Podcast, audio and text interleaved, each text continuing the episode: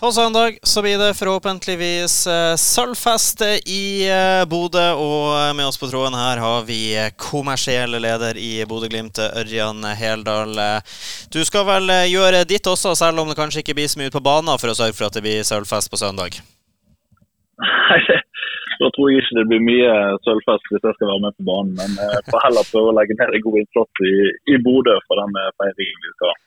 Uansett om det blir tap eller seier i Drammen, så blir det fest og medalje. Uansett valør skal deles ut i eh, Bodø. Det er på, i svømmehallen eh, det skjer. Hva er det dere har, eh, det dere har gjort klart der?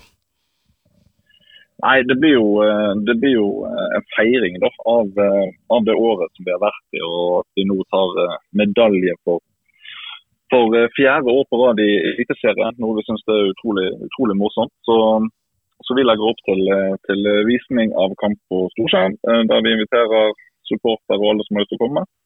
Og så blir det da etter det en medaljefest på, på svømmehall scene.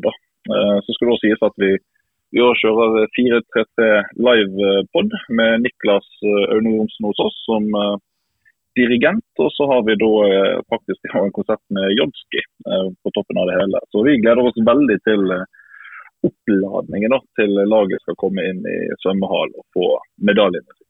Mm, og Laget de skal jo som allerede er nevnt spille i Drammen på søndag, men så fort kampen er ferdig der, så setter de altså kursen rett til Bodø og, og svømmehallen. Er det sånn?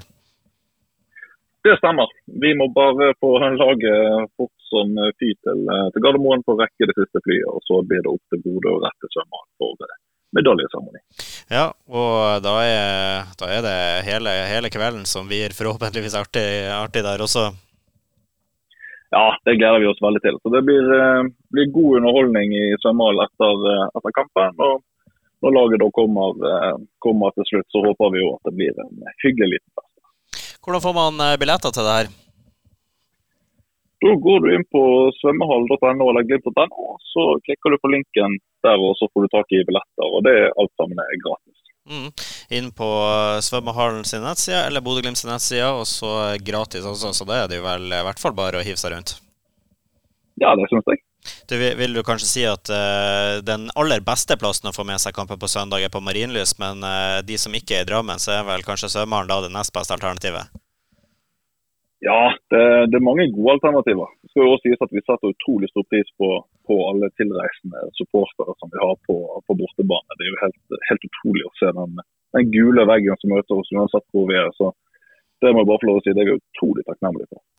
Det er vi alle, og det gleder vi oss til å se på Marienlyst også. Og som sagt, da er du i Bodø, så er det bare å ta turen til Sømhallen scene. Enten før, under eller ikke minst etter kamp for å hylle de gule heltene våre. Takk skal du ha, Ørjan, for at du var med oss, og så gleder vi oss til søndag. Det gjør vi absolutt.